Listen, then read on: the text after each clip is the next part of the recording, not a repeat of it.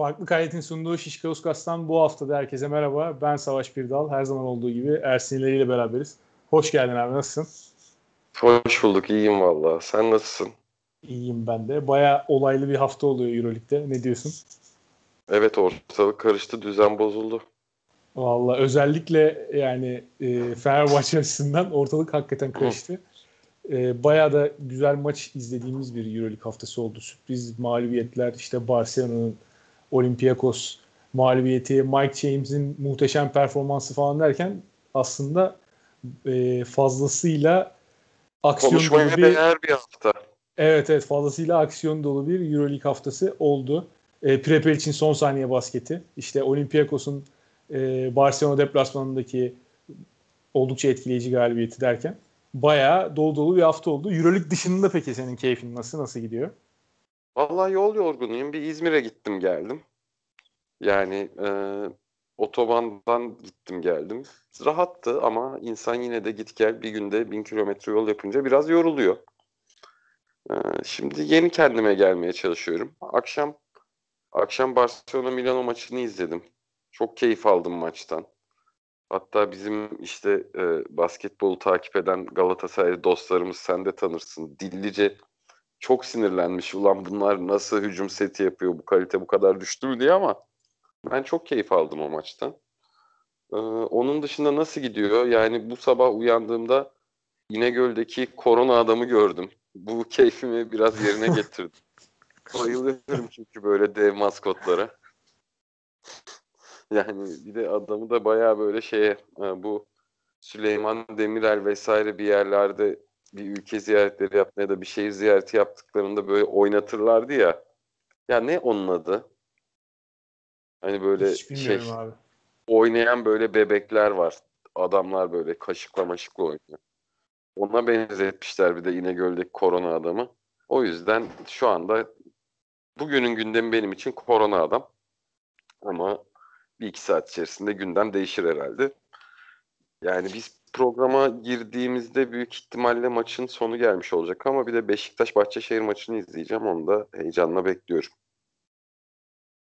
Yani Beşiktaş'ı Beşiktaş ee, çok heyecanla takip ediyorum ben basket Abi Beşiktaş'ı ya ben açıkçası Beşiktaş'tan ziyade Alperen'i heyecanla izlediğimi söyleyebilirim. O konuda sana katılacağım ama genel olarak Beşiktaş biraz şey geliyor bana ya. Nasıl geliyor? Yani takım olarak çok böyle takım hüviyetinde olmayan bir takımmış gibi geliyor bana. Anladım. Top paylaşım vesaire o tarz konularda mı diyorsun? Evet evet. Anladım. Anladım ama yani kan demir etkisi bayağı değiştirdi takımı. Evet koç değişikliğinden sonra bayağı pozitif bir e, tablo çıktı ortaya tabii. Egehan'ı dörtte kullanıyor. Mehmet Yağmur'un ben yıllardır topu bu kadar verimli kullandığını görmemiştim 2-3 maçtır rolünü. Ya bu bu maçı yani şimdi programı kapattığımızda ilk çeyrek bitmiş olur tahmini. Bul bir yerden izle eğer vaktin varsa. Yani belli olmaz tabii genç takım bir anda tak diye 20'lik de olabilir ama genel olarak bayağı keyif veriyor Alperen dışında da. Egehan'dan dörtte acayip katkı alıyorlar ya. Çok şaşırdım yani. Egehan sezon başında hiç ortada yoktu. Bıyıktay döneminde yani evet. aslında Fenerbahçe'den ayrılıp da Beşiktaş'a gittiğinde ve süre alabileceği bir pozisyona geldiğinde performansında artış olmasını beklediğimiz oyunculardan biriydi. Yani direkt hazır bir şekilde e, te, şey Süper Lig seviyesinde rol oyuncusu olacak bir oyuncu değildi belki Egehan ama en azından Fenerbahçe'de verdiğinden çok daha fazlasını verebilecek bir oyuncu bir süre aldığında onu görememiştik şimdiye kadar. Fenerbahçe'de de Egehan işte seviye olarak düşük maçlarda bayağı topu eline aldığında skoru böyle gözü kapalı 20'lere vurdurabiliyordu. Hani o açıdan ben şey iyi olacağını bekliyordum zaten ama bu dört performansı gerçekten beni şaşırttı ve etkiledi. Hani bunu da bunu da geçen haftaki maçtan sonra Telekom maçından sonra burada söylemek istedim. Çünkü Egea'nın dört performans diye notlarımı almışım bunu. Böyle böyle şakalar yapacağım artık sana her hafta. Bir dahaki hafta mesela çat diye Lokman Ekim Fethiye hakkında aldığım bir notu görebilirsin yani. Olur. bu, bu hafta soru cevap yapacağız dedik. Soruları... İstiyorsan kısaca maçlarla başlayalım. Maçlar üzerinden soru cevaplarda gelen soruları cevaplayalım derim ben. Abi o zaman onun hakkında hiç soru gelmediği için ben biraz Barcelona Milano maçı hakkında konuşabilir miyim? Tabii abi söz senin. Ee, Ben bu arada şeyi izleyemedim. Ee, kim ki CSK yani Mike James'in performansını ayrıca izledim ama maçın içinde izleyemedim. Hani onu da söyleyeyim hani sen onun maçı izleyebildiysen onun hakkında da sen konuş. Ee, Barcelona Milan maçında Messina gerçekten maça ve Barcelona'ya çok çok iyi hazırlanmış ve savunmada savunmada epey tuzaklar kurarak Barcelona'yı 3 çeyrek boyunca bayağı zor duruma düşürdü. Bence Milan kadro yapısı olarak Barcelona'yı savunmada gerekli cevabı verebilecek bir takım hüviyetinde değil biliyorsun hani Barcelona'nın bence oyuncu oyuncu kalitesi dışında Barcelona'nın oyuncu kalitesi dışında bir de oyuncuların pozisyonlarına göre ki fizikleri de bence rakiplerine çok fazla e, vurup geçmesine sebep olan bir şey. Milano Milano'da da bence oyuncuların oyuncuların yine oyuncuların yine fizik olarak da şey hani Barcelona oyuncuların tam böyle alaşağı edebileceği durumda bir takımdı. Ama 3 çeyrek boyunca özellikle tuzak savunmalarını çok çok çok iyi yaptılar ve bayağı zorladılar. Maçı da kazanacak noktaya getirdiler aslında. Ama 64-69'dan sonra bir Barcelona rüzgara esti ki aman aman aman ya. 21-0'lık seri. Pek görmeye alışık olduğumuz şeyler değil bizim Avrupa'da maç sonlarında bunu bu kadar domino oynayan bir takım. Yani çok etkileyiciydi ama dikkatimi çeken ki herkes de zaten bundan maçı izleyen herkes de bundan bahsetti öyle şey değil hani benim dikkatimi çekmedi. Herkesin konuştuğu bir şey. Barcelona'nın Caner Gökhan hücumları. 13 sayı buldular. Kenar üzeri, kenar oyunu üzeri şeyden e, dripling yapmadan bulunan basketlerden. Kalates'in 14 asistin 6 tanesi herhalde ya da 5 tanesi bunlardan geldi. Bunu Savaş şöyle bir şey ben kafamda kurguladım. Seninle de bunu paylaşmak istiyorum. Bu hani dedim ya Barcelona'nın takım olarak takım olarak fiziği çok şey, takım olarak pozisyonlara göre oyuncuların fizikleri çok iyi. Bunun bir sebebi olabilir mi sence? Kenar oyunlarını iyi oynamada.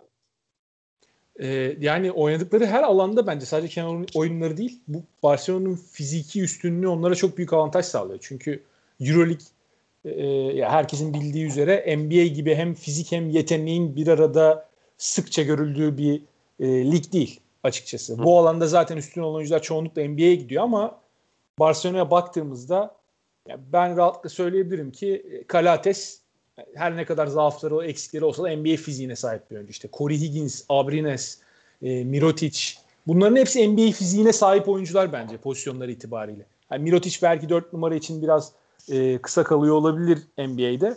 Ama yine de e, fizik olarak baktığımız zaman sağlam fiziğe sahip bir oyuncu ve Euroleague'de de çok büyük avantaj. Belki biraz Brandon Davies yani NBA fiziğine sahip diyebileceğimiz bir oyuncu değil. Biraz undersized bir oyuncu.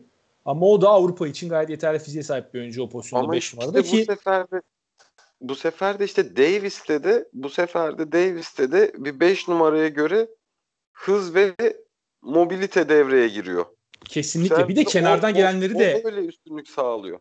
Kenardan gelenleri de unutmayalım. Şimdi e, Hangası var bunun, e, Klaveri var, işte Oriola'sı var. Bunların hepsi çok sağlam fiziğe sahip ve atletizme sahip oyuncular. Bu alanda çok büyük avantaj sağlıyor Barcelona rakiplerine göre. Zaten e, Euroleague'in en iyi savunmasına o... sahip olmanın sebebi de bu.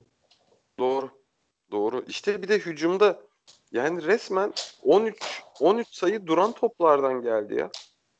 Çok yani bu bunun bu kadar kenar oyunlarını tabii ki yani çizilen oyunu uygulayabilme becerisi ayrı ama işte perdeden o oyuncuyu çıkarırken o perdeyi çok etkili yapabilen oyuncunun payı önemli.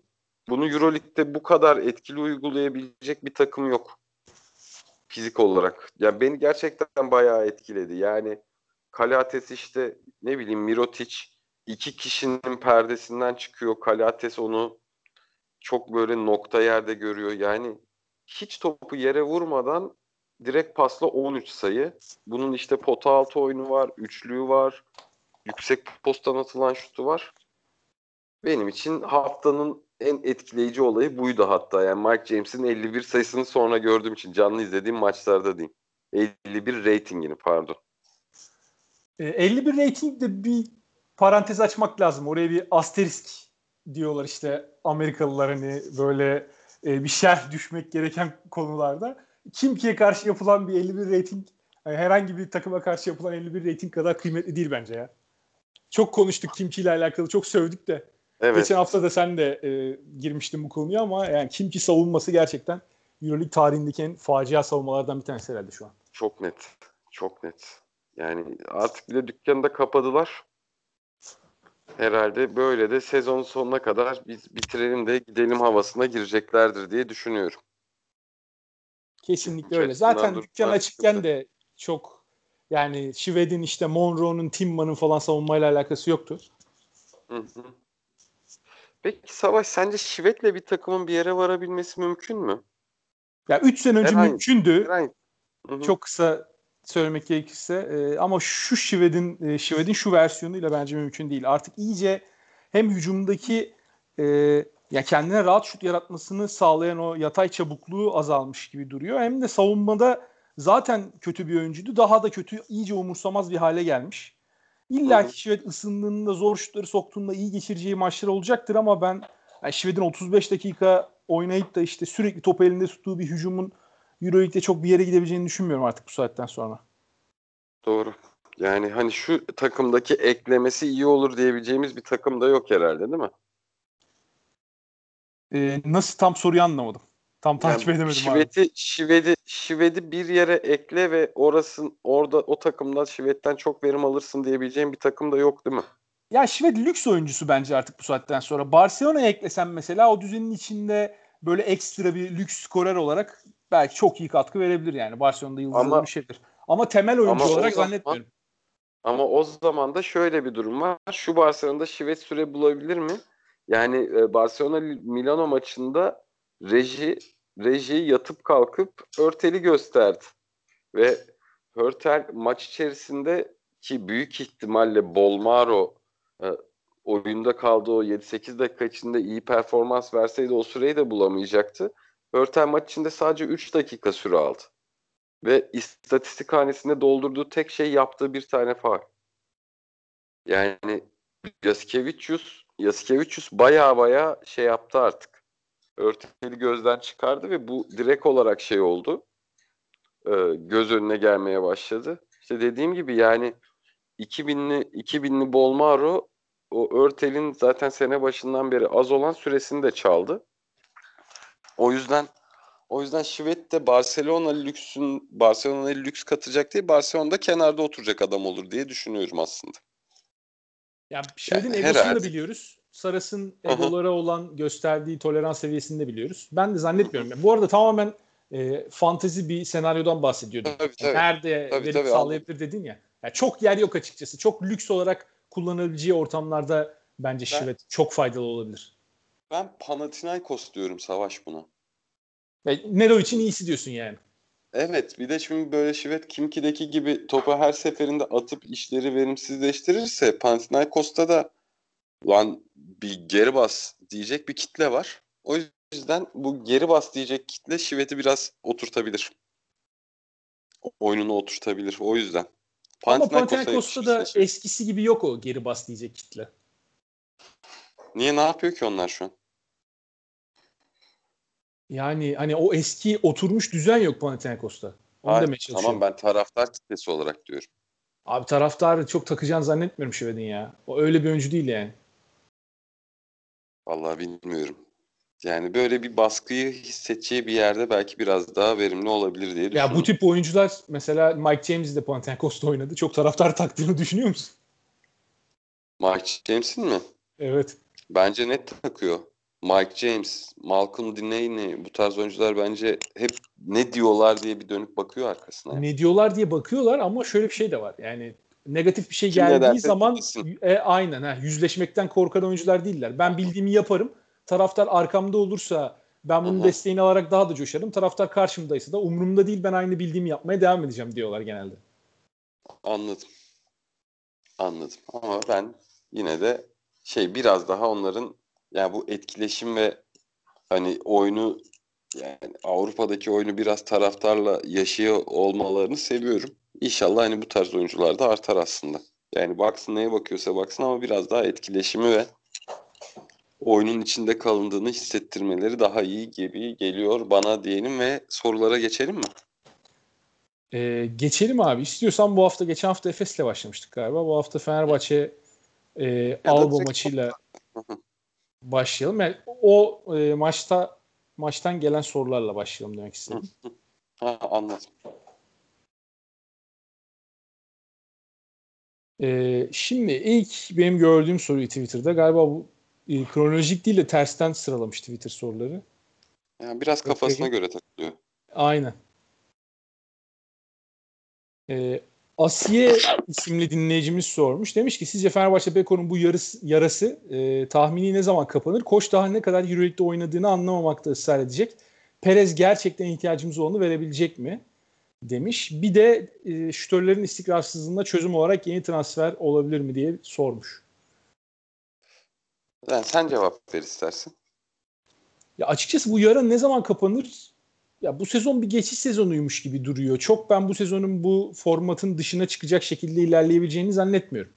Onu baştan söyleyeyim. Belki e, sezon içinde takım içinde gerçekleştirilecek işte iyileştirmeler hem içeriden gelecek iyileştirmeler artı belki işte transfer etkisiyle bir tık daha iyi olabilir Fenerbahçe ama şu an baktığımızda gördüğümüz en iyi ihtimalle son sıralardan playoff'u zorlayacak bir Fenerbahçe var. O da en iyi ihtimalle yani. Şu an oynadığı oyunu oynamaya devam ederse o ihtimal de e, çok parlak durmuyor. Öyle söylemek lazım. E, Perez'in etkisini bilmiyorum. Bu konuda sana da soracağım fikrini. Ya Perez geçen sene felaket bir zaten sezon başlangıcı yaptı Zalgiris'te. Ayrıldı Zalgiris'ten. O sebeple Perez ve Euroleague dendiğinde Perez'le alakalı bakış açısı pek iyi değil. Önceki yıl ama Banvit'te çok iyi bir sezon geçirmişti. Zaten oradan e, Galatasaray'a gidileceği, gideceği konuşulurken e, kendini Euroleague'de bulmuştu bir anda Zalgiris'ten teklif gelince. Ama yani Banvit'teki sezonu da Fenerbahçe'nin şu an aradığı profildeki oyuncu mu? Ben çok emin değilim bundan. Yani Perez çok istikrarlı bir şütör değil mesela. Ee, iyi bir yaratıcı ama yani e, Süper Lig seviyesi için iyi bir yaratıcıydı. Euroleague seviyesinde aynı e, katkıyı verebilecek mi? Ki Fenerbahçe'nin bence her şeyden önce bireysel değil sistemsel sorunları var. Yani Fenerbahçe'de iyi oyuncular var mesela. iyi yaratıcılar da var ama Dekolo'nun da hadi her ne kadar sakatlıktan gelmiş olmasından ötürü üstünde bir e, ağırlık çökmüştü diyelim hadi. Hı hı. E, ama yani Dekolo'yu da sahaya koyduğunda yanına dört tane oyuncuyu Fenerbahçe kadrosundan işte herhangi dört oyuncuyu pozisyonlarına göre koyduğun zaman ortaya çıkması gereken şeyin e, bu olmaması lazım. Bu Alba maçında izlediğimiz şey olmaması lazım. Yani ben şeyi gördüğümü net bir şekilde hatırlıyorum şu an Alba maçında mesela. İşte Dekolo handoff'tan bir kanatta topu alıyor ama aynı anda aynı kanatta Dekolo ile yan yana Dekolo'ya çarpan bir tane Gerald Eddy var mesela. Yani spacing falan kimin nerede duracağını bilmesi önemli mevzular basketbolda. 10 yıldır spacing konuşuluyor sürekli. Hem televizyonda hem biz anlatıyoruz sürekli. Bu sene biraz az konuşuluyor ama. Asıl konuşulması gereken yerde az konuşuluyor işte. Yani Overdose döneminde o kadar alışmıştık insanlar neyin e, nerede yapılması gerektiğine o kadar oturmuş bir düzen vardı ki en ufak hata göze batıyordu. Bu yıl artık kökten temelden yıkılmış bir bina var sahada. O yüzden herhalde insanlar çok bireylere takıldığı için e, akıllarının o sistemi konuşmak gelmiyor diye düşünüyorum ben. E, Fenerbahçe'de ya sistemle alakalı bence temelden bir problem var. E, ya koç a, e, yapmaya çalıştığı şeyleri anlatamıyor oyunculara ya da oyuncular koçun yap, yapmak istediklerini sahaya yansıtacak oyun zekasında ve yetenekli oyuncular değiller. Ben ikisinin biraz birleşimi olduğunu düşünüyorum yani 50-50 aslında. Ee, hem koç Eurolig'e yabancı, rakibe karşı ge- alması gereken e, spesifik önlemler hakkında çok fikir sahibi değil. Yani burada tabii her zaman olduğu gibi klasik şey gelecek. Ee, me- bu mevzu ortaya çıkacak. İşte Erdemcan ne yapıyor o zaman? Erdemcan'ın burada uyarması gerekmez mi? İşte tamam. ama yani bu işler de bazen böyle yürümüyor ya. Yani koçlar çok fazla yetkiye sahip ve bazen e, burunlarının dikine gitmeyi de tercih edebiliyorlar. Onu da biliyoruz. Ya da işte mesela hani analizinde analizinde söylenen şeyler yerine kendi inandığı değerlerin peşinde gitmeyi daha önemli görüyorlar değil mi? İşte Kokoşko biraz fazla idealist gibi duruyor. Onu söylemek lazım yani. E, Twitter'da bir yorum gördüm. Kim yapmıştı? Şimdi tam hatırlamıyorum. Kusura bakmasın eğer bizi dinliyorsa. Ha, bu arada ses geldi mi? Geldi. Kütürtü geldi mi? Ha. Ee, kediyle aynı odada program yaptığımız için sevgili Çeçil'le. Yani olur, olur bir şey olmaz ya. Canı sağ olsun. Bir yandan o bir şeyleri deviriyor. e, Twitter'da gördüm yorumdan bahsediyordum. E, şimdi bu kadro aslında astığım astık kestiğim kestik yönetilecek bir kadro. Yani çok böyle kendi haline bırakılacak kadro değil manasında bir yorum görmüştüm. Eğer kimden gördüğünü sen hatırlıyorsan hani belki sen de takip ediyorsun. Görmedim. Ben buna katılıyorum aslında. Yani biraz daha disipline edilmesi gereken bir kadro. Çünkü oyun zekası genel olarak düşük bir kadro. Yani çok fazla kendi haline bırakırsan bu kadroyu. Lorenzo Brown'u kendi haline bırakırsan sahada işte. Gerald Eddy'yi kendi haline bırakırsan. E, yani başka bu konuda verebileceğiz örnek. Dashan Pierre'i kendi haline bırakırsan sahada. Yani olacaklar çok parlak değil. Bu oyuncuları biraz ne düşünmesi, nerede ne yapması gerektiği, nerede durması gerektiği bunların daha fazla anlatılması gerekiyor. Ama Kokoşkov'un serbest akan doğaçlama hücumu diyeyim. Bu daha ziyade oyuncuya özgürlük verip oyuncuya ne yapması gerektiği kararını e, kendi ve vermesi gerektiğini dikte eden bir hücum stili. E, burada çok fazla iş e, Lorenzo Brown ve De Colo'ya düşüyor. E, bu ikili de doğru kararları bu sezon şu ana kadar çok nadir verdiler. Yani doğru verdiklerinden çok yanlış verdikleri karar var. Diyeyim. E, senin fikirlerini de merak ediyorum. Ben sana sorayım. Ne düşünüyorsun bu konu hakkında? E, oyuncuları kendi haline bırakma konusu mu yoksa soruya dair mi? İkisi de. Mesela, yani soruya dair sen zaten söylenecekleri söyledin. Ona ekleyecek çok bir şeyim yok. Yani e, Fenerbahçe'deki bu yara ne zaman kapanır? Fenerbahçe'deki bu yara bu sezon zor kapanır. Gelecek senenin yapılanmasına şimdiden girebilecek bir durum da yok. Kontratlar kapalı. Ama bir şekilde gelecek seneye dair hamlelerin yavaştan başlaması lazım. Yani şaka maka Ocak oldu artık takımın ne olup ne verip ne veremeyeceği az çok belli. Birkaç yama transferi geliyor işte Perez gibi. Ondan sonra işte geçen hafta Guduric haberi düştü. Yani bu belli ki hani Guduric olur veya olmaz ayrı ama bir iki yere daha yama yapılacak belli. İşte bu yamalar ne kadar etki edecek? Oyuncu havuzu çok dar. E, bu sefer oyunculara işte biraz overpay yani yama olarak getirecek oyuncuları biraz overpay etme durumu olabilir. Bunun takıma gelecek senelere ne kadar faydası olacak ki büyük ihtimalle zararı olacak. Yani ben çok yani bu sene artık işte hadi bu senenin yarasını kapatalım, bu sene işleri toparlayalım ve hani işleri toparladıktan sonra da bir playoff yarışına girelim demektense olduğu şekilde artık bu şeyle devam edip bu oyuncu grubuyla devam edip sonunu bir şekilde getirmeye çalışması daha mantıklı geliyor. Çünkü hemen Perez transferini ne mantıklı buldum ne doğru buldum. Ne takımımızın ihtiyacı olan oyuncu dedim ne de takımımızın oyun yapısı olarak ne de takımımızın ihtiyacı olan kalite olarak oyuncu. Yani Perez transferi benim için gerçekten bayağı böyle tat kaçıran bir transfer oldu. Bunca zaten sezon içerisinde de ben hani hatırlıyorsun Brown ilk geldiği zaman bayağı sinirlenmiştim. Çünkü işte güvenebileceğin güvenebileceğin tek şey deliciliği. E onu da işte alanı açmayı iyi uygulayamayan bir takımda ne kadar uygulayabildiğini görüyoruz. İşte takım Alba Berlin'in ilk dakikadan alan savunmasına 40 dakika boyunca çözüm üretemiyor. Bunda sahada şey bunda en büyük problem koç ama sahadaki koç oyun kurucuların da bence büyük etkisi var. İşte dediğin gibi kendi haline bırakılacak oyuncu grubu yok. Doğru.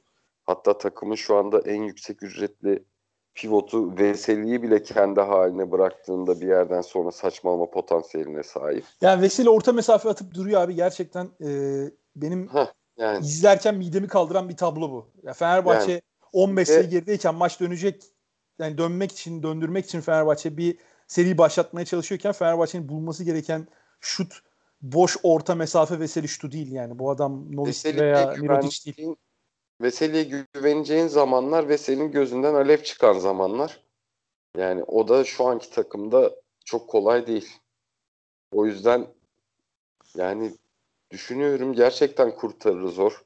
E gelecek sene diyorsun Ulanovas'la Bartel'e neden bilmiyorum ama 2 yıllık 3 yıllık kontratlar verildi. Yani bu gerçekten benim hani şimdi biz WhatsApp grubunda takım konuşurken hep benim söylediğim şey işte. Ulan Ovas'ta şeye Bartel'e şu kontratlar nasıl verilir? Yani ben o kadar katılmıyorum sana o konuda ya. Yani yani Ulan Ovas'tan çıkılır bir şekilde. Bartel de şu ana kadar bence fena oynamadı. Yani ilk haftalar hayal kırıklığıydı ama biz de çok takılıyorduk. Ee, hı hı. Sonrasında Bartel son haftaların nadir parlayan oyuncularından bir tanesi. Olumlu manada ne ortaya bir şey koyan oyunculardan bir tanesi. Sence performansı peki? Ya Bartel takımın temelinin üstüne inşa edebileceğim bir oyuncu değil. Bartel yan parça olacak bir oyuncu. Fenerbahçe'nin doğru düzgün bir temel inşa etmesi lazım ki Bartel'i de onun yanına ekleyebilirsin.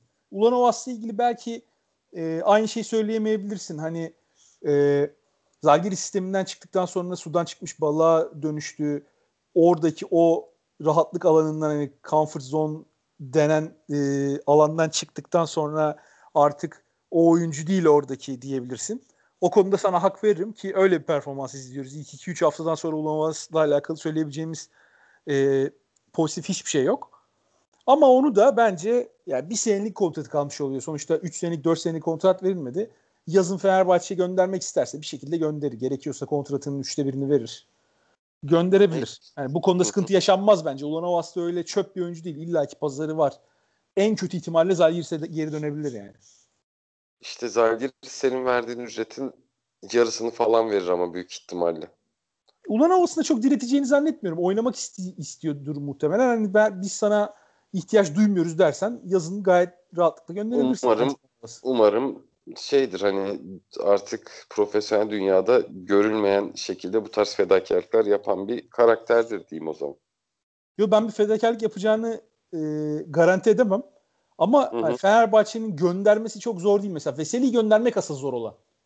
Veseli'ye bu parayı veren adamı bulamayabilirsin ki mesela bulamadı Fenerbahçe herhalde. Çünkü Veseli gidebilirdi diye düşünüyorum ben. Barcelona görüşmeleri falan. Gitmek istemedi ama bir şekilde. Para dışında da mutlu olduğu için de gitmek istemedi. Öyle de bir durum var. Yani Barcelona çünkü Barcelona çünkü hani biraz yine bu paralara yaklaşmasa da Veseli'nin kontratın büyük kısmından çıkaracak bir ödeme yapardı Veseli'ye ama bir yandan da gitmek istemiyor Veseli yani. E, Fenerbahçe'de aldığı mutlu... parayı alamayacağı için ben çok ayrılmak istediğini zannetmiyorum. Türkiye'de Hı. mutlu olmasının yanında. İnsan Türkiye'de Veseli belki çok mutlu ama şimdi Türkiye'de yaşayan bizler neden Barcelona yerine burayı tercih ettiğini pek anlayamıyoruz galiba değil mi? Ya, o paraları kazanıyorken Siyasi bomba. Yani 1 milyon eurodan ben de vazgeçmezdim Barcelona'ya gitmek için. Açıkçası. Yani 3 milyon euro alıyorsun Türkiye'de. 2,5 milyon euro alıyorsun Barcelona'da. Nerede yaşarsın? Barcelona işte 2,5 milyonu vermiyordu bence. Barcelona da artık bütçesinin tamam. sonuna geldi. Ben yani. sana sordum şimdi ya. Şimdi mesele üzerinde. Abi 3'e 2,5'sa Barcelona'da yaşarım ama 3'e 1,5'sa Türkiye'de yaşarım yani. Tamam. Tamam. Biliyor musun peki Barcelona'nın Veseli'ye ne kadar ücret teklif ettiğini ben bilmiyorum. Yani bilmiyorum ama tahmin edebiliyorum açıkçası. Hani iki buçuk vergiden önce teklif etseler o zaten ikinin altına düşüyor. O yüzden arada bir milyondan fazla fark oluyor Fenerbahçe ile. E böyle olunca da ben Veseli'ye bir şey diyemiyorum hani neden ayrılmadın diye. Hı hı. Ee, şey Kokoşkov sorularından devam edelim mi? Aynen ben de tam oraya geliyordum. Kokoşkov'la alakalı ilk gördüğüm soruyu soruyorum sana. Aytaç Temiz'den gelmiş bu soru. Kokoşkova inancınız kaldı mı? İlk maçlarda çok umutluydum. Alba maçının ikinci yarısını izleyemedim bile. Kadronun bu kadar kötü olmadığı, koçla ilgili problem olduğu yorumuna katılıyor musunuz?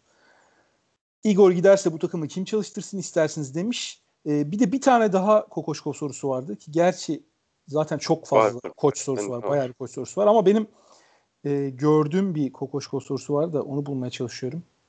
Heh, e, Linas Kleiza nickli bir arkadaş sormuş. E, abiler selamlar diyor. Kokoşkov'un maç planlarındaki ayrı kutuplar değerlendirme yaparken kafa bulandırmaya başladı. Makabi ve Zenit gibi iyi kurgulanmış maçlarla diğer maçlar arasındaki akıl tutulması ya da yanılması e, inanılmaz. Siz ne düşünüyorsunuz demiş. E, hadi Bayern'i falan geçtim. Valencia'da ben o Süleyman Abi, Soylu kısmını Süleyman, anlayamadım. Ben de oraya geldim anlamadım. Gerçekten çok, Süleyman Soylu biraz yolundan çıkmış. Yani Süleyman Soylu'nun bile bu kadroyu kim yani Süleyman Soylu şeyinden herhalde Valencia koçundan bahsediyor. Evet evet şeyden e, Ponsarnau muydu? evet. Aynen. Evet evet. Ozan Aro Süleyman Soylu benzerliği. Abi baya benziyor diyorsun? ya. Çok benziyor. Aşırı benziyor yani. Değil mi? Değil mi? Ee, yani şey neden yani Kleyza şöyle demiş. Neden bizim tutarlı bir oyunumuz yok demek istemiş aslında. Zenit bunu yapıyor, Bayern bunu yapıyor, Valencia bunu yapıyor. Biz niye yapamıyoruz? Aslında onu Tek dememiş bence abi. Şey demiş yani. Maccabi ve Zenit mesela Fenerbahçe çok iyi planladı bu maçları. Ama Alba gibi bir deplasmanda tamamen denize dökülüyorsun. Yani bu kadar uçlarda olmasının sebebi ne? Ondan bahsediyor biraz bence Kokoşkov üzerinde. E, tabii tabii. Ama işte genel olarak biz niye bunu bir standarda da oturtamıyoruz da demiş. Doğru doğru evet. Sen ne diyorsun bu konuyla alakalı? Yani bu bu işte şey yani Türk takımlarında hatta çoğu Yunan takımında da yani benzer karakterisi. Aslında bu tepe yönetimi sadece işte takım yönetim genel menajer değil aynı zamanda yönetimlerin de o takıma bakış açısıyla da alakası olan bir durum bence. Denetim ne kadar azsa kötü gidişte durumlarda tepe taklak gider. Şu anda bir denetleyici kurum var mı sence Fenerbahçe'de mesela? Ya yönetim tarafından mı söylüyorsun? Evet. Evet. Ne oluyor dedirten bir taraf, ne oluyor diyen bir taraf var mı sence?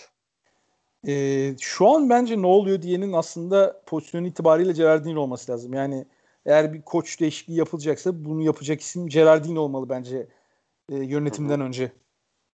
Tamam.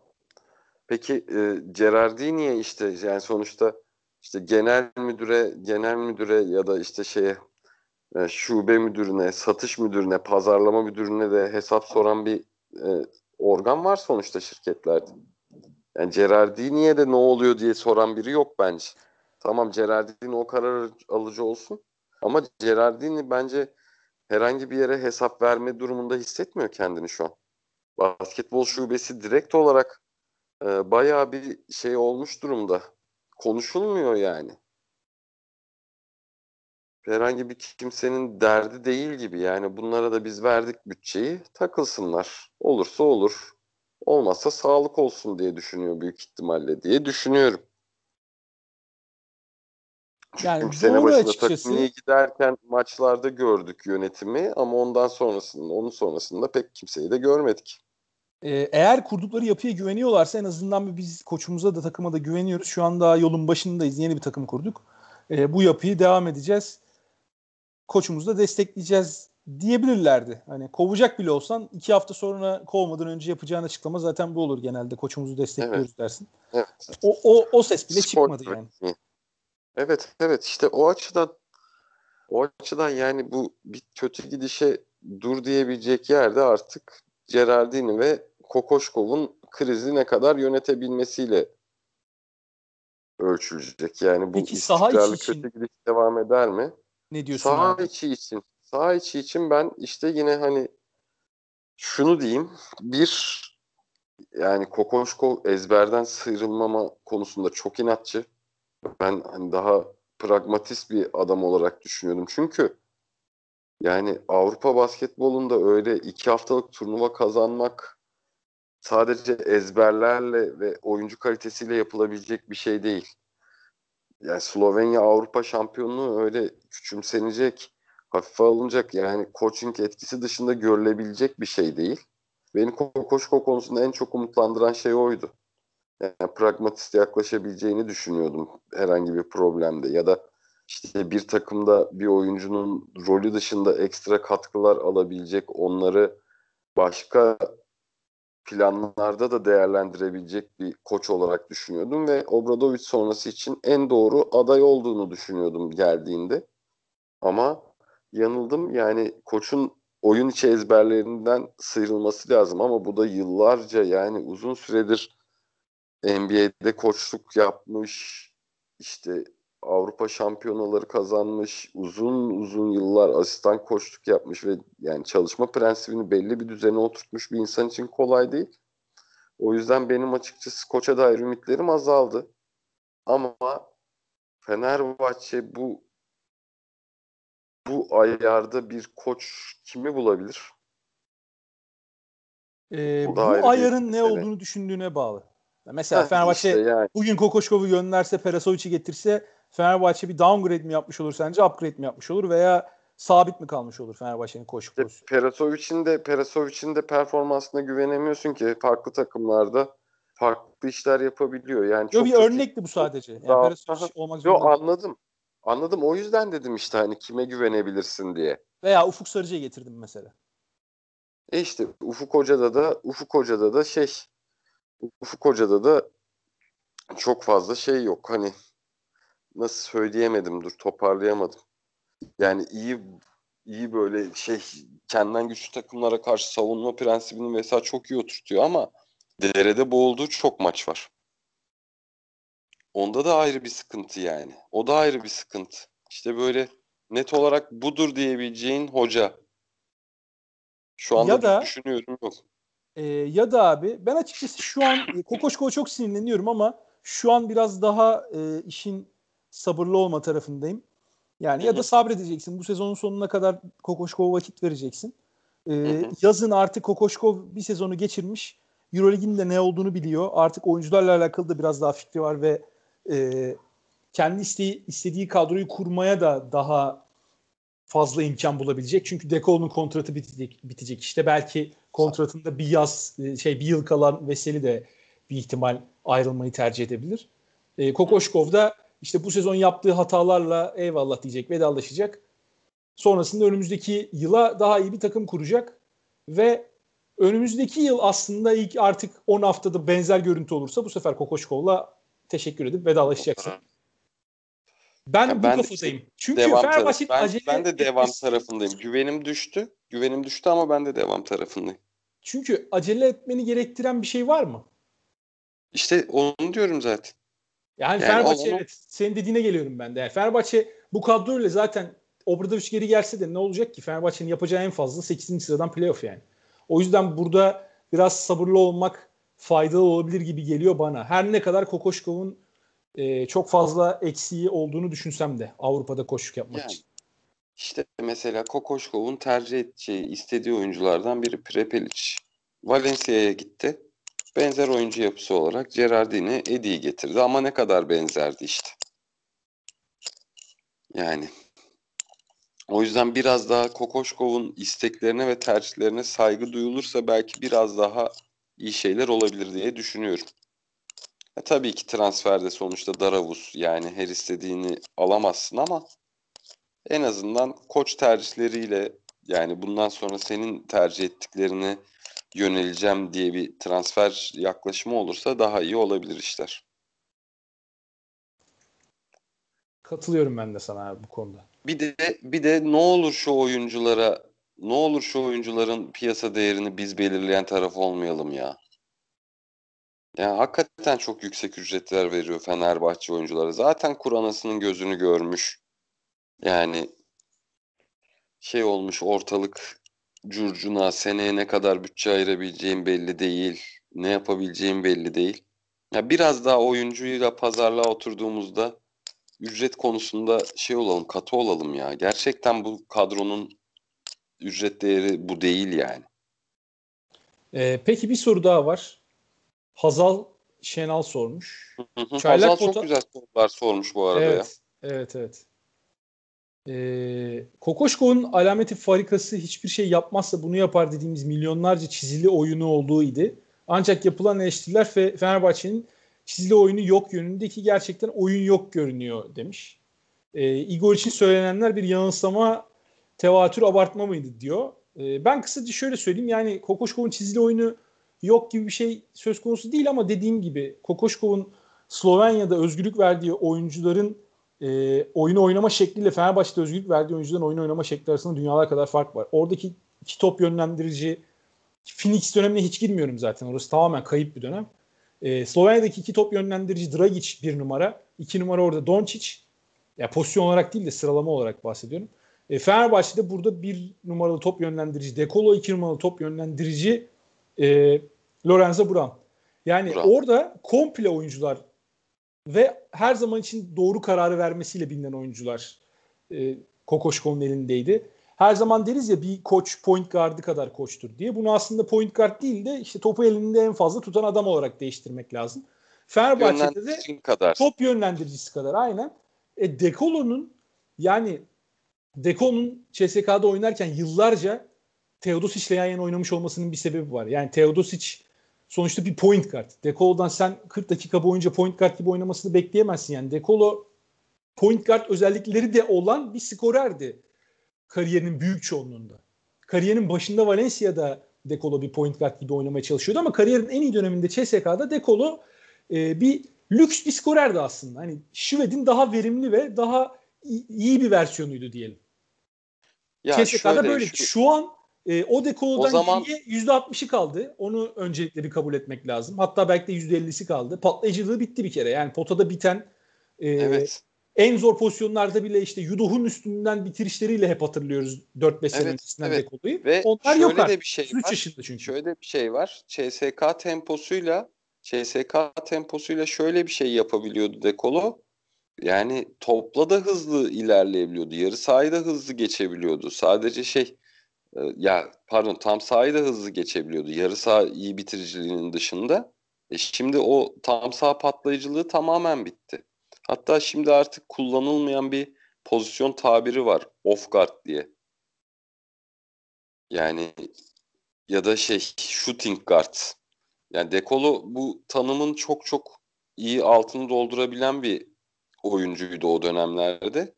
Şimdilerde biraz daha biraz daha şey yani hani takımın takımın ritmi ele aldığı zamanlarda topu eline bırakacağı oyuncuya evriliyor. Ama bu oyunu da takımda göremiyoruz. O yüzden Dekola tamamen verimsizleşiyor. Ya bir de savunmada da felaket de Alba maçında. O Gerçekten zaten. uzun zamandır gördüm. Bir de sakatlıktan dönüşünün etkisi illaki vardır. Ama uzun zamandır gördüm. Dekola'nın normal zamandaki standartı da çok düşük. Onun bile altındaydı. Doğru. Uzun zamandır gördüğüm Doğru. en kötü Dekola savunmasıydı. Doğru. Ya burada Igor Kokoşkov'la alakalı bence biraz abartı olduğu doğru gelirken ama ya tüm suç da Kokoşkov'da değil. Tabii kadronun bu şekilde kurgulanmış olması ne kadar Kokoşkov'un ve e, Gerardini'nin suçu onu da bilmiyoruz. Onu da e, ya onu da konuşmak lazım. Kokoşkov'un belki saha içinde, maç özelinde e, suç %100 kendisine ait olmayabilir ama sezon başında bu kadroyu planlarken de Kokoşkov'un inputu olmadığına beni kimse inandıramaz. Doğru. Hiç değildir ama işte bazı konularda yani hiç hiç katkısı yok. Bütün takım Gerard'ın kuru değil ama yani şeyde de öyle e, bir Kokoşkov takımı da kurulmadığı kesin. Ee, bir soru daha sormuş Hazal Şenal. Demiş ki çaylak potansiyelli bir takımın başına Avrupa Euroligi için çaylak bir koç getirilmesi doğru mudur? Yoksa potansiyelli takıma Avrupa'da usta bir e, koç mu getirilmesi doğrudur demiş. E, Aito Garcia, Bled Pascual gibi örnekler vermiş. Bence tam Bled'in takımıydı. Eurocup kazanan Daçka ile benzer demiş bu kadro isim olarak. Ama yani Bled'in artık ben koşuk yapabileceğini zannetmiyorum. Yani o başka zaten o sağlık, sağlık sorunları sebebiyle çok bence döneceğini de düşünmüyorum. E, Çaylak koç şimdi burada bir tercih. Eğer ki Kokoşkov'un çıkabileceği seviyenin diğerlerinin şu anda olduğu seviyeden daha yukarıda olduğunu düşünüyorsan ki Fenerbahçe böyle düşündü muhtemelen özellikle Gerardini. Çünkü burada bilinen e, elde mallar vardı yani işte Pascual belki Fenerbahçe alamayacaktı zaten. Zenit'te Pascual oradan çıkması kolay değildir. Örnek olarak söyleyeyim bunu işte Pascual'i, Perasovic veya Ufuk Sarıcı'yı veya Garcia Renesis'i veya burada evet, bence en önemli burada bence en önemli gerçekten olabilecek alternatif Trinkieri. E, Trinkieri'yi tercih etmektense aa işte uzaklarda bir yerlerde bir koç var. E, biz bunu alırsak belki elimizdeki bildiğimiz şeylerden daha da iyisi çıkar dedi. Biraz loto oynadı burada. E, yani bilet almadan sonuçta piyango çıkmıyor onu biliyoruz. Ama bu da bir risk. Hani e, pirince giderken eldeki bulgurdan olma mevzusu. Hı hı. Şu ana kadarki görüntü öyle olduğu yönünde. Ama sezon başındaki görüntüye baktığımızda biz de Kokoşkov tercihini övmüştük. Ben o yüzden sabredilmesi gerektiğini düşünüyorum. Biraz daha büyük pencereden bakmakta fayda var ama e, bu bu seneki performansın kabul edilebilir olduğunu kesinlikle söylemiyor. Onu da hatırlatayım tekrar. Doğru. Haklısın. Yani bir de şöyle bir şey var. Bilet takımına benzer isim olarak demiş ama yani bilet takımında o takımda Wilbekin, Clyburn, Eurocup Ondan... alan takımında Clyburn yoktu ama galiba. Var mıydı? Yoktu ya. Wilbeck'in vardı. Tamam. Michael Eric vardı sanki. Michael Eric vardı pota savunucusu yani o o işte bilet takımı yani Hamilton Eric kadar pota savunabileceğini düşünüyor musun? Abi sende de Veseli var yani o Daçka takımından Fenerbahçe bence daha iyi kadroya sahip. Yani o Darüşşafaka'nın Fenerbahçe şu an yani. Ya bu kadrosuyla bir zahmet alsın Euro Cup'ı. Gerçi biraz Euro Cup kadrosu gibi zaten Fenerbahçe'nin kadrosu. Dekolo Veseli dışına bak. Ross vardı şey. Clyburn yoktu. Sen Ross vardı. Ya o Darüşşafaka'nın bayağı böyle e, kemiklerine kadar arındırılmış kadrosuydu. Bir tek Wilbeck'in kalmıştı Ferit Şahink'in kurduğu kadrodan o Darüşşafaka doğuş döneminden.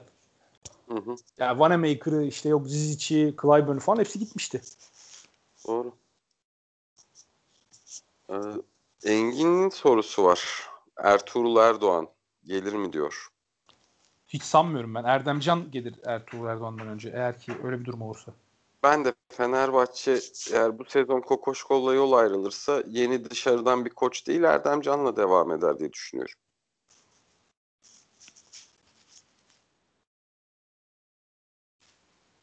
Aytaç'ın sorusunu okuduk. Bir Fenerbahçe sorularına bakıyorum ben de. Ee, Mustafa Uzun sormuş. Sene sonu Fenerbahçe Beko playoff dışı kalırsa ne olur? Bir iyimser bir kaotik senaryo yazabilir misiniz? Yani iyimser senaryo bence e, kadro tekrar yapılandırılır. Koç başında kim olur bilmiyorum. Kokoşkov'la devam da edilebilir. Kokoşkov'un hala bence vakti ihtiyacı var. 50. kere söylüyorum. Ee, seneye daha iyi yapılanır kadro. Eldeki bundan olmaz denilen oyunculara teşekkür edilir. İşte daha güzel bir kadro kurulabilir. Eldeki bütçe de öyle sezon başında herkesin enseyi kararttığı gibi bir bütçe değil bence. Çünkü Fenerbahçe gerçekten yani aldığı oyuncuları topladığın zaman bir araya getirdiğinde bayağı bir para harcadı yine. Bu, bu Tabii parayla ya. bu parayla ortaya çıkan ürünün bundan çok daha iyi olması lazım kesinlikle. Kesinlikle. Kesinlikle. Bir de şöyle bir şey var. E, iyimser ve kaotik senaryo denmiş. Yani burada takımın playoff yapıp yapmamasından öte futbol takımının ne yapacağı da önemli. Yani futbol takımının şampiyon olamadığı durumda ben kaotik bir senaryo bekliyorum. Ya Fenerbahçe'nin Fenerbahçe'nin kulüp olarak bu sene yani buhranı yaşayacağı bir senenin arifesinde olduğunu söyleyebiliriz eğer şampiyon olamazsa. Yani o yüzden biraz o iyimser ve kaotik senaryoları Sosa'nın, Ozan Tufan'ın ve Samatta'nın performansı belirleyecek de diyebiliriz. Peki abi son bir soru sonra Efes'e geçelim. Efes'le alakalı tamam. fazla soru yok. Ee, ben soracağım sana Efes'le alakalı soruları. Haftaya da biraz da Efes'te haftaya da konuşuruz olmadı ya. Ama ben konuşmak istiyorum Efes'i ya. Bir 15 tamam, dakika konuşalım. Konuş. Ee, tamam. Dekolo ve Veseli'nin kontratlarından nasıl çıkılınabilir? Ee, 13-14 milyon bütçe daha verimli harcanabilir miydi? Yoksa bu bütçeye optimum kadro mu kuruldu demiş Ümit. Berktronikli arkadaş. Ee, bence Veseli ve Den zor ama Dekolo zaten bitiyor bu yaz. Dekolo artık seneye Fenerbahçe forması giymez diye tahmin ediyorum. 13-14 milyon bütçede kesinlikle daha verimli harcanabilirdi. Yani e, elden kaçan oyunculara özellikle baktığımız zaman işte Diedraitis'i, Prepelic'i vesairesi. E, bunlar kesinlikle Fenerbahçe kadroya kattığı oyunculardan daha iyi opsiyonlarmış. Yazın belki biz de bunu öngöremedik. Hani ben de diyemeyeceğim çok büyük işte hata yapıldığını ben 4-5 ay önce zaten görmüştüm, söylemiştim diye ama şu an baktığımızda bu hataları görebiliyoruz açıkçası. Ee, senin ekleyeceğin bir şey yoksa istiyorsan Efes'e geçelim. Olur. Sen Asfer Olur. maçını izleyebildin sanıyorum. Ee, ben Asfer maçını izledim evet. Yani çok da keyif almadım Efes'in oyunundan. Ee, yani Valencia maçı da çok benzerdi aslında. Efes sürekli maç içini parça parça oynayan bir takım haline geldi. Bununla biraz da bu iki maç özelinde e, Simon'un eksikliğinin etkisi olabilir. Yani Simon çünkü böyle stabilize edici bir unsur gibiydi Efes'in sezonunda. E, Larkin olmuyor, Misic olmuyor. Simon hep olması gereken yerde, olması gereken zamanda vermesi gereken katkıyı veriyordu. E, onun olmamasının eksikliğini bence şu an yaşıyorlar. Çünkü üçüncü bir top yönlendirici e, Larkin ve Misic'in arkasında onun eksikliğini yaşadılar. Yani Asfer maçı da aslında Efes son 1-2 dakikada Asfel'in e, yetenek tavanının düşük olmasının biraz avantajını yaşadı ve Asfel orada bir kitlendi kaldı.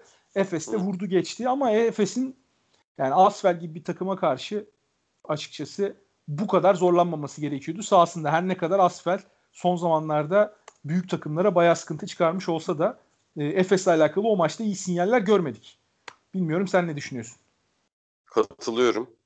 Katılıyorum yani e, Larkin'in Larkin'in dümeni Larkin'in dümeni ala, alana kadar yani zaten bayağı sıkıntıydı ve üçüncü çeyrekte üçüncü çeyrekten itibaren oyunu da Asvel'e verdi aslında Efes ama işte oyuncu kalitesi ve savunmada uzun savunmasında etkili olmaya başlaması işleri değiştirdi. Yani Mitsic ve Larkin geçen seneden pasajlar sundu o maçta. Birbirleriyle kendi aralarında topu çok iyi paylaştılar. E, şutları verimli kullandılar ve yapmayı Larkin hani ritmini bulacak. Ama ritmini bulana kadar yapmayı yapmakta sıkıntı yaşadığı bir şey vardı bu sezon potaya gitmek. Bu sefer Larkin de Mitsic de potaya sık sık gitti. E bunda büyük ihtimalle hani çok büyük blok tehdidi olsa da Mustafa Fol'un varlığının etkisi var. Ama bir yandan da şöyle de bir şey var. Yani Yabusele, Noah, ondan sonra Fol bunların blok tehdidi var ama yani pozisyon almada da sıkıntıları var. Yani çok fazla şey e, çok fazla blok yaptı Kevarius Hayes ama işte uzunların arkasını toplarken, savunanların arkasını toplarken de bu blokları yaptı. Yani 6 blok inanılmaz. 6 blok inanılmaz ama yani 7. bloğunda olmaması için bir sebep yoktu. O kadar böyle şey rahat drive etti ki Efes ikinci yarıda. Yani oyuncuların hatırlaması bir de Asvel'in de defolarını iyi değerlendirmesinden kaynaklı oldu bu. Yani Asvel keyifli takım ama işte olup olacağı da bu kadar aslında. Yani olup ee, olacağı bu kadar olan bir takıma iyi bir galibiyet aldı Efes. Valencia maçında işler biraz daha doğru düzgün olur mu diye düşündüm. Valencia maçının ilk çeyreğini ben izledim. Ondan sonra oteldeydim. İnternetimde çok iyi değildi. Yani maç yayını yoktu. İnternetimde çok iyi değildi. Yani bunu izleyeceğime sonra izlerim dedim ama ona da fırsat bulamadım. Valencia maçından biraz sen bahset istersen o yüzden. Ee, ben iki maçı aslında şöyle bir açıdan bağlayacağım. Asfer maçında Antoine Dio 8 sayı e, 7 asist 17 dakika. Oyunu da çok iyi yönetti bu arada. Aynen. Şimdi Valencia maçına geliyorum. E, Martin Hermanson 18 dakika 4 sayı 7 asist. Yani bunlar skor e, potansiyeli çok yüksek olmayan ama akıllı guardlar aslında. Hı hı. E, oyunu yönlendirme e, yetisi olan guardlar fazlasıyla. Yani burada Efes'in savunmada biraz bir e, SOS verdiğini söylemek lazım. İki maçta da. Yani Asfel'in potansiyeli zaten çok yüksek değildi hücumda. Ee, yani o Asfel'e karşı bazen çok basit basket şansları özellikle şut şansları verdi Efes. Çok fazla uyuduğunu gördük ve kısa savunmasında bence Efes özellikle Larkin'in de geçen seneki o çabukluğuna sahip olmaması sebebiyle biraz kolay geçilebiliyor. E, Valencia maçında da benzerini gördük. Yani ikili oyun savunmasında bu sefer çok sıkıntı yaşadılar Valencia maçında. E, Valencia tabii karakter olarak çok daha fazla ikili oyun oynamayı seven bir takım Asfel'den. Burada e, Van Rossum ve e, Hermansson'un oynadığı ikili oyunlar. Zaten Mike Tobin'in 21 sayısına baktığın zaman onda 9 2 sayılık isabet. Bunların herhalde 6 tanesi falan içeriden boş turnikedir. Ki 4-5 tanesinde bunların Hermansson indirdi. Özellikle o son 3. çeyrekte ve son çeyrekte e, Valencia tekrar maçın içine dönerken Efes 8-0'lık bir seri bulmuştu orada. Valencia ona 10-0'la e, cevap verdi yanılmıyorsam. E, bu seriler sırasında resmen içinden geçti. Yani hiç kimse yokmuş gibi karşısında oynadı Valencia Efes savunmasına karşı. E, Efes için bu bir açıkçası hani sinyal önümüzdeki haftalar için. Ben Efes'in hücumda zorlandığını görüyorum iki maçtır. Ama savunmada da kritik anlarda önemli hatalar yaptılar ki bunu da aslında son hücumda o yedikleri basketi tamamen göz ardı ederek söylüyorum. Çünkü orada bence yani Doğuş'un Prepelic'e karşı yapabileceği daha fazla bir şey yoktu. Doğuş orada iyi savunma yaptı. Prepelic çok zor bir şutu. Ee, yani üzerinde el varken soktu. Çok da kolay bir şut değildi. Peki, Bazen de şutu sokan adama helal olsun demek gerekiyor yani. Yapacak da fazla bir şey yok. Doğuş yerine Anderson olsaydı o şutu atabilir miydi Prepelic? Böyle bir iki tweet gördüm o yüzden soruyorum. Bence atardı abi. Çünkü orada Doğuş'un orada e, en önemli yaptığı şey üstünde kalabilmekti Prepelic'in. Evet yani evet. Anderson'a evet. karşı çünkü Prepelic'in çok büyük bir çabukluk avantajı olacaktı. Anderson, evet. Ben yetişebileceğini zannetmiyorum yani. Anderson Doğru. daha uzun ve daha yükseğe uzanabilecek bir oyuncu orada ama Doğuş da çok daha yatayda çabuk bir oyuncu. Yani, yani şey 2 2 K'da neydi? Very difficult mı deniyordu bu tarz şut, şutlara? El gösterilen şutlara. Şey ee, olarak. Öyle, öyle olması lazım abi. Tam hatırlamıyorum şimdi. Bu 2K çok ha, onun, onun, onun bir tanımı vardı. Bir de smothered diye işte şey Hani Boğulmuş artık... böyle sıkıştırılmış pozisyonda evet, atılan evet. şutlarda aynen. Yeşil evet. tutturmanın en zor olduğu şutlar. Evet evet yani o boğdu boğdu duvara attı Doğuş aslında ama o şutlarda girdi mi girer yani. Ya yani Prepes'i öyle düştür. O momentum evet. aldı mı atabiliyor. Evet. E, bu arada sana bir soru soracağım şeyle alakalı. İşte Efes'le alakalı gördüğüm tek soruydu. E, yani tam da Efes'te değil yerli oyuncu performansıyla alakalı bir soru. Hani Doğuş'un savunmasından bahsederken Doğuş ve Melih özelinde sorulmuş. Türk oyuncuların performansı niye bu kadar düşük diye. Ben Doğuş'un bu sene hiç düşük performans verdiğine katılmıyorum öncelikle. Yani Doğuş'tan ne beklediğimize bağlı bence mesele biraz. Doğuş savunma anlamında gerçek bir spesyalist. Açık ara.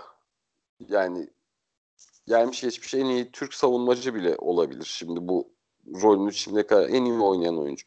Evet geliştiremediği hücum özellikleri var ama onun dışında hücumda tempoyu bulduğunda takımın yine şeyde fast break'lerde bitiren adama katkıları. Ondan sonra hasıl oyuncusu. Yani Doğuş'un bence bu özellikleri varken Euroleague'de de belki Barcelona hariç kadrosuna giremeyeceği bir takım olduğunu düşünmüyorum. Doğuş her takımın isteyeceği bir oyuncu bence Euroleague'de. Abi ben Ama, açıkçası Doğuş Türk olmasaydı Euroleague'de oynayamazdı diyecek taraftayım burada. Biraz şeytanın avukatlığını yapayım. Efes'teki Efes'teki Doğuş'u ben de Euroleague'de istemeyecek takımın olmadığını düşünüyorum. Yani açıkçası belki 11. 12. oyuncu olarak her takım ister. Ama e, Türk olmadığın zaman ve o yerli kuralı sebebiyle sahada olma zorunluluğun olmadığı zaman Euroleague'de yani o sebep Euroleague'de ihtiyaç yok bence yani. Çünkü Aa, Euroleague'de de böyle bir zorunluluk yok Savaş. Euroleague'de böyle bir zorunluluk yok ama Efes sonuçta lig sebebiyle bu oyuncuları kadrosunda tuttuğu için Euroleague'de de birini oynatacak ha. yani. 15 tane ama yabancı alamıyor. Efes, e, ama Efes'in guard rotasyonunu düşündüğümüzde Mitsic, Larkin, Boboa hatta Simon yani bu dört oyuncunun arasında bir de Buğra'na da biraz süre verebilirlerdi ya da bir yabancı transferi daha yapabilirlerdi. Ben katılmıyorum ama bu demek değil ki Doğuş her takımda iş yapar çok çok iyi ama her takımın Doğuş tipi bir oyuncuya ihtiyacı var. Nasıl ki her takım hücumda alanı açıp iş bitirmek için şutörlere yer veriyorsa bu tarz bir spesyalisti de her takım ister diye düşünüyorum. Bu benim Biraz görüşüm. söyleyeyim mi bu konuyla alakalı? Çünkü beni en çok rahatsız eden mevzulardan bir tanesi. Yani biz oyuncularımıza hep böyle bir şeyle yaklaşıyoruz. Türk oyuncular özellikle. Türk kamuoyunda şimdi çok eleştiren bir e, ekip var. Bir yarı var. Hı hı. İşte Türk oyunculardan hiçbir şey olmaz diyen bir ekip var. Bir de yani Türk bir gibi, benim savunan gibi. bir ekip var. Bilmiyorum sen şimdi bence ikisinin ortasındasın sen. Senin o kadar şey olduğunu düşünmüyorum. Biz bu, bu işin ben, ortasını göremiyoruz ben yani. Ben yerliciyim. Ee, ben şu konuda rahatsızım abi. Mesela Doğuş işte çok fazla övülüyor işte. Ee, çok iyi savunma yapıyor. Melih de mesela yeri geliyor çok övülüyor. Melih gibi şütör var mı işte Avrupa'da? E, Melih'in Fenerbahçe'de daha fazla süre alması lazım. Obrada şütöründe de çok yaşanan bir şeydi. Ama şunu da görmek lazım. Yani bu ülkeden neden komple oyuncu yetişmiyor? Sürekli böyle bir defolu mal çıkarılmış gibi oyuncu çıkarıyorsun mesela. Yani e, Melih Mahmutoğlu dediğin oyuncu oyunun bir tarafını fena oynamayan ama öteki tarafında olmayan bir oyuncu. E, Doğuş Balbay da tam tersi. Yani ikisini bir araya getirip böyle bir şey gibi Voltran gibi birleştirirsen muazzam bir oyuncu çıkar mesela ortaya. Doğuş Balbay'la Melih Mahmutoğlu ama biz ülke basketbolu 30 milyon olarak, dolarlık kontratı vardı şu an. Hakikaten yani NBA oyuncusu çıkar ikisini birleştirsen. Biz niye ülke basketbolu olarak e, bu komple oyuncuyu bir türlü yetiştiremiyoruz? Dert edilmesi gereken konu bu bence. Çünkü Doğuş Balbay'ı ben veya Melih Mahmutoğlu'nu Türk pasaportunu al ellerinden e, serbest oyuncu piyasasına koy Avrupa'da. Ya ben EuroLeague'de çok böyle aranan oyuncular olacaklarını hiç zannetmiyorum. Çok e, şeyde bulmuyorum yani. Çünkü günümüz basketbolunda aranan şey zaafı olmayan oyuncu. Oyunun bir yönünü çok iyi oynayan oyuncu değil bence. Her şeyi iyi yapabilen oyuncular aranıyor. Melih de e, Doğuş'ta bunun aslında tam antitezi gibi oyuncular. Doğuş belki e, 90'larda falan oynamış olsaydı Merita keza aynı şekilde. Çok daha iyi hatırlıyor olabilirdik mesela. 90'lardan bizim efsane diye hatırladığımız oyuncuları bu döneme koysan belki de Melih'e olan bakışımız da onlara olan bakışımız da aynı olabilirdi. O da ayrı bir tartışma konusu. Ama Türk basketbolunun gerçekten bu komple oyuncuları e, yetiştirebiliyor olması lazım. Elde bu kadar insan, böyle bir nüfus ve bu kadar basketbola ilgi varken. Yani sadece Avrupa'da değil, NBA'de çok büyük ilgi duyan milyonlarca insan var Türkiye'de. Yani milyon demeyeyim de binlerce. Basketbol ilgisi dışında basketbol ilgisi vesaire hani bizim bu ülkeden çıkarmamız dışında bir de şöyle de bir şey var zaten. Hani şimdi o Konya'da şampiyon olan ve hep konuşulan o 18 takımını düşününce yani Furkan Cedi NBA onun dışında Egemen çok acayipti. Afyon'da şimdi yeni yeni oynamaya ve bir şeyler üretmeye başladı. Tolga gerçekten o dediğin hani komple oyuncu tanımının karşılığıydı benim gözümde. Ama işte abi Ama... pro seviyede o komple oyuncular bir anda ortadan kayboluyor. Yani yoklar. Evet, Altyapı işte seviyesinde bu... komple olmakla e, A takımında Yok, olmak arasında işte hani şey farklı. o potansiyeli yansıtamamanın sebebi yani o bir üst basamakta takılmanın sebebi ne işte? O, o benim cevap bulamadığım bir soru. Sence ne mesela bunun sebebi? Ha, bu süre ayrı bir programın konusu bence. Başka başka ha, bir süre mi alamıyorlar? Şey mi olmuyor? Ee, fazla mı değer görüyorlar bir yerden sonra geliştirmeyi Hepsinin mi kesiyorlar kendilerini? Kesişimi aslında. Türkiye'de yaşamayı mı çok seviyorlar? Başka challenge'lar denemiyorlar. Yani ben gerçekten bunun sebebini benim benim kafam almıyor mantıken yani o yeteneklerin hani şey vardır mesela. Hani şimdi mesela Roko Pırkaç'ın diyelim Hırvatistan'da büyük ihtimalle çok baba oyuncu olacak ama olmadı. Hani şey hani oyuncu üzerinde hikayeler olabilir ama bizde jenerasyon üzerinde böyle hikayelerin olması sıkıntının sistemde olduğunu gösteriyor çok net. Ama işte bunun çözümü ya da bunun doğrusu oyuncu gelişiminin nasıl olacağını çok bilmediğim, anlamadığım için bende değil. Ama durmadan jenerasyon kaybı var. Yani inşallah Şehmuz, Ercan Osmani yani yabancı oyuncu devşirme statüsünde ama bizim toprağımızın oyuncusu Ercan'da. Şehmuz, Ercan, Alperen en azından şu Beşiktaş kadrosundaki gençler üzerinde işler bu sefer biraz daha farklı olur diye düşünüyorum. Belki de çözümü belki de çözümü işte bu tarz proje takımları yaratıp oyuncuların çok süre almasını ve yarışmacı seviyede ilk baştan oynamasını sağlayıp ondan sonrasına bakmaktır. Onu da işte şimdi bir iki sene sonrasında göreceğiz. Yani bu, bu proje nasıl meyve verecek? Umarız bu sefer e, hem Alperen için hem Şeymuz için şu ana kadar gördüğümüz prospektlerden çok daha farklı olur durum. Bunu gerçekten işte gönülden, şey, gönülden söylüyoruz yani. Bir de Osmani de var bak. O da o da boş değil. Yani onun dışında o takımda ya işte şimdi program kapatınca ikinci yarıyı izle ya. Yani ben sana bir iki oyuncuyu daha soracağım. Haltalı, tamam, Furkan tamam Haltalı. Sadık. Yani bayağı o o o proje nasıl olacak bakalım. Ben en çok onu merak ediyorum. Yani evet. Giresun bunu bir denedi ama Giresun'da takımı taşıyan Okben 3 ay sonra 4 kat kontratta Darüşşafaka'ya gitti mesela. E, Okben o zamandan beridir Okben'den haber alabilen var mı? Evet. Yok. Bitti. Yani zamanı mıydı diyen çok insan haklı çıktı. Hani ben şey değil, ben yerli oyuncuların çok rol alması gerektiğine inanıyorum. Hatta mesela şimdi Melih özelinde sorulmuş ama Melih Fenerbahçe'de niye hiç topu yere vurmadı? Niye hiçbir zaman bu rolde düşünülmedi diye hep eleştiriyorum biliyorsun. Yani ben çok severim Melih'i. Bence düşünüldüğünde de yapamadı abi o rolün gereğini. Ha, ben de gereğince düşünülmediğini düşünüyorum gereğince düşünülmediğini düşünüyorum. Hani ben çok beğeniyorum yerli oyuncuları. Yani bu demek değil ki yabancı sınırlaması gelsin, ligde süre alsınlar. Hayır, o mantıkla değil. Ama e, oyuncular da oyuncular da belli bir role bazen sıkıştırılabiliyor koçlar tarafından. Melih özelinde bence bu. Keşke Melih'in biraz daha topa yere vurduğu bir düzen içerisinde oynayabilseydik. Obradoviç döneminde kadro kalitesi farklıydı. Melih'ten bu alanda ihtiyaç vardı. Ama Dekolo'nun yokluğunda da keşke Melih'e şu rolde biraz şans verseydi de görebilseydik yani. Belki Fenerbahçe kadrosunun içinden sonuçta Melih Türk lirası alıyor. Kadrosunun içinde şeyde daha uygun maliyetli bir çözüm bulmuş olacaktı belki de. Ama göremedik. Bilmiyoruz şu an.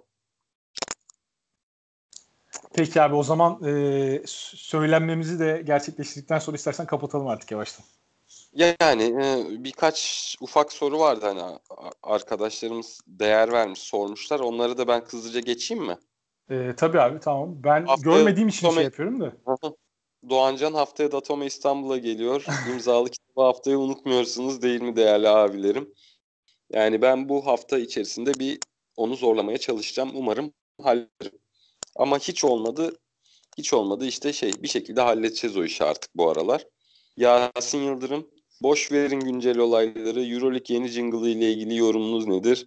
Valla rap kısmını söyleyen adamın o böyle gevşek gevşek söyleşini hiç sevmiyorum. Abi onun üzerinden yani 7.5-8'lik bir şarkıyı onun üzerinden 2'ye düşürmüşler. Tebrik ediyorum. Doğru. Doğru. Ee, Doğancan yine Mike James över miyiz? Biraz kardeşim yeni övdüm. Son haftalarda fazlasıyla hak ediyor bence. Haklı. Ee, Palermo Human Behavior sormuş. Kim ki büyük çöplük kabul ediyorum ama Greg Monroe ligin en kötü savunmacısı olabilir mi? Gerçekten ayakları o kadar yavaş ki. Yani Şivedi Jovic'i rahat rahat geçen kısa şey yapıyor böyle içeride. Di, dili di Hasan Ali diye atıyor turnikesini. Olabilir ama daha kötüsü var mı sence Euroleague'de uzun savunucusu? E, Monroe bence de özel seviyede bir kötü oldu evet. ya. Ya düşünsek belki buluruz da en kötü 5'in içinde rahat vardır Monroe. Evet. Şimdi burada göremedim bu soruyu. Ama dün gördüğüme çok eminim. Şey, e, Obradoviç neden işte hani iki tarafta net açıklama yapmışken neden hala taraftarda Obradoviç döner inancı var diye. Yani ben bunu düşündüm. Ben bunun cevabını hazırlamıştım. O yüzden soru silinmiş olsa da bu cevabı vermek istiyorum. Soru var galiba. Ben demin gördüm onu çünkü. Bu arada Gör... Obradoviç döner inancı değil de daha ziyade şey gibiydi. Yani taraftarda neden e, orada hiç kalmayı istemesine rağmen gönderildi gibi bir hani gitmek zorunda bırakıldı gibi bir izlenim var. Şeklinde soru bence. İnsanların insanların bazen Hı. Ben buldum abi bir saniye oku, okuyayım sana soruyu öyle cevap. Ee, yine evet. Hazal Şenal sormuş. Neden her iki tarafta net açıklamalar yapmasına rağmen çoğu insanda veya taraftarda Obra'yı isteseydik tutardık intibası var?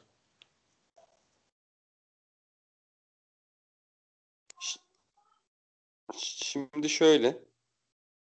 insanların yaşadığı böyle bazı güzel ilişkiler vardır. Bunlarda da bunlarda da işte bir şekilde biter bu ilişkiler ve durmadan döner bakarsın. Yani böyle olsaydı iyi olurdu. Bu olsaydı güzel olurdu.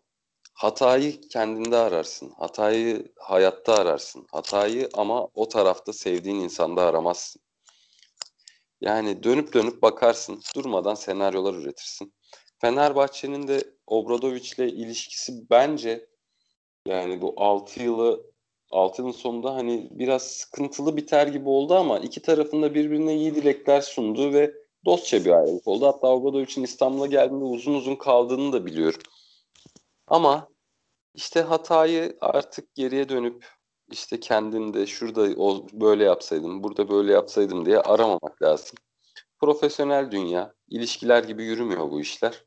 Böyle olması gerekti.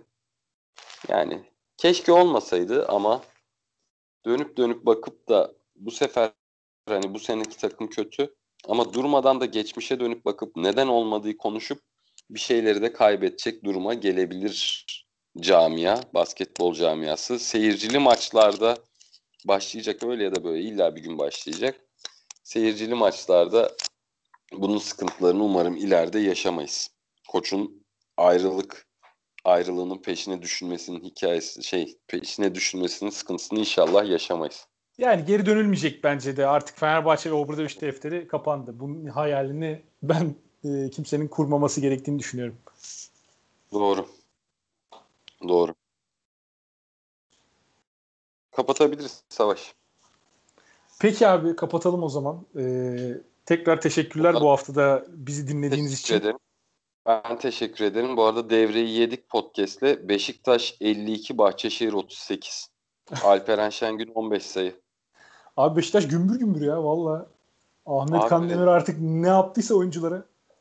Abi Ahmet Kandemir'in iddiası gerçek mi olacak acaba? Seneye şampiyon takımı kurduk geliyoruz demişti ya sene başı. bu sene bu seneyi bir atlatalım seneye şampiyon olacağız demişti. Kando hocamın destekçisiyiz, sürecin takipçisiyiz diyelim ve kapatalım. E, haftaya daha fazla galibiyetle hem Fenerbahçe hem Efes'in kazandığı bir haftada sizlerle birlikte olmak üzere. Hoşçakalın. Hoşçakalın.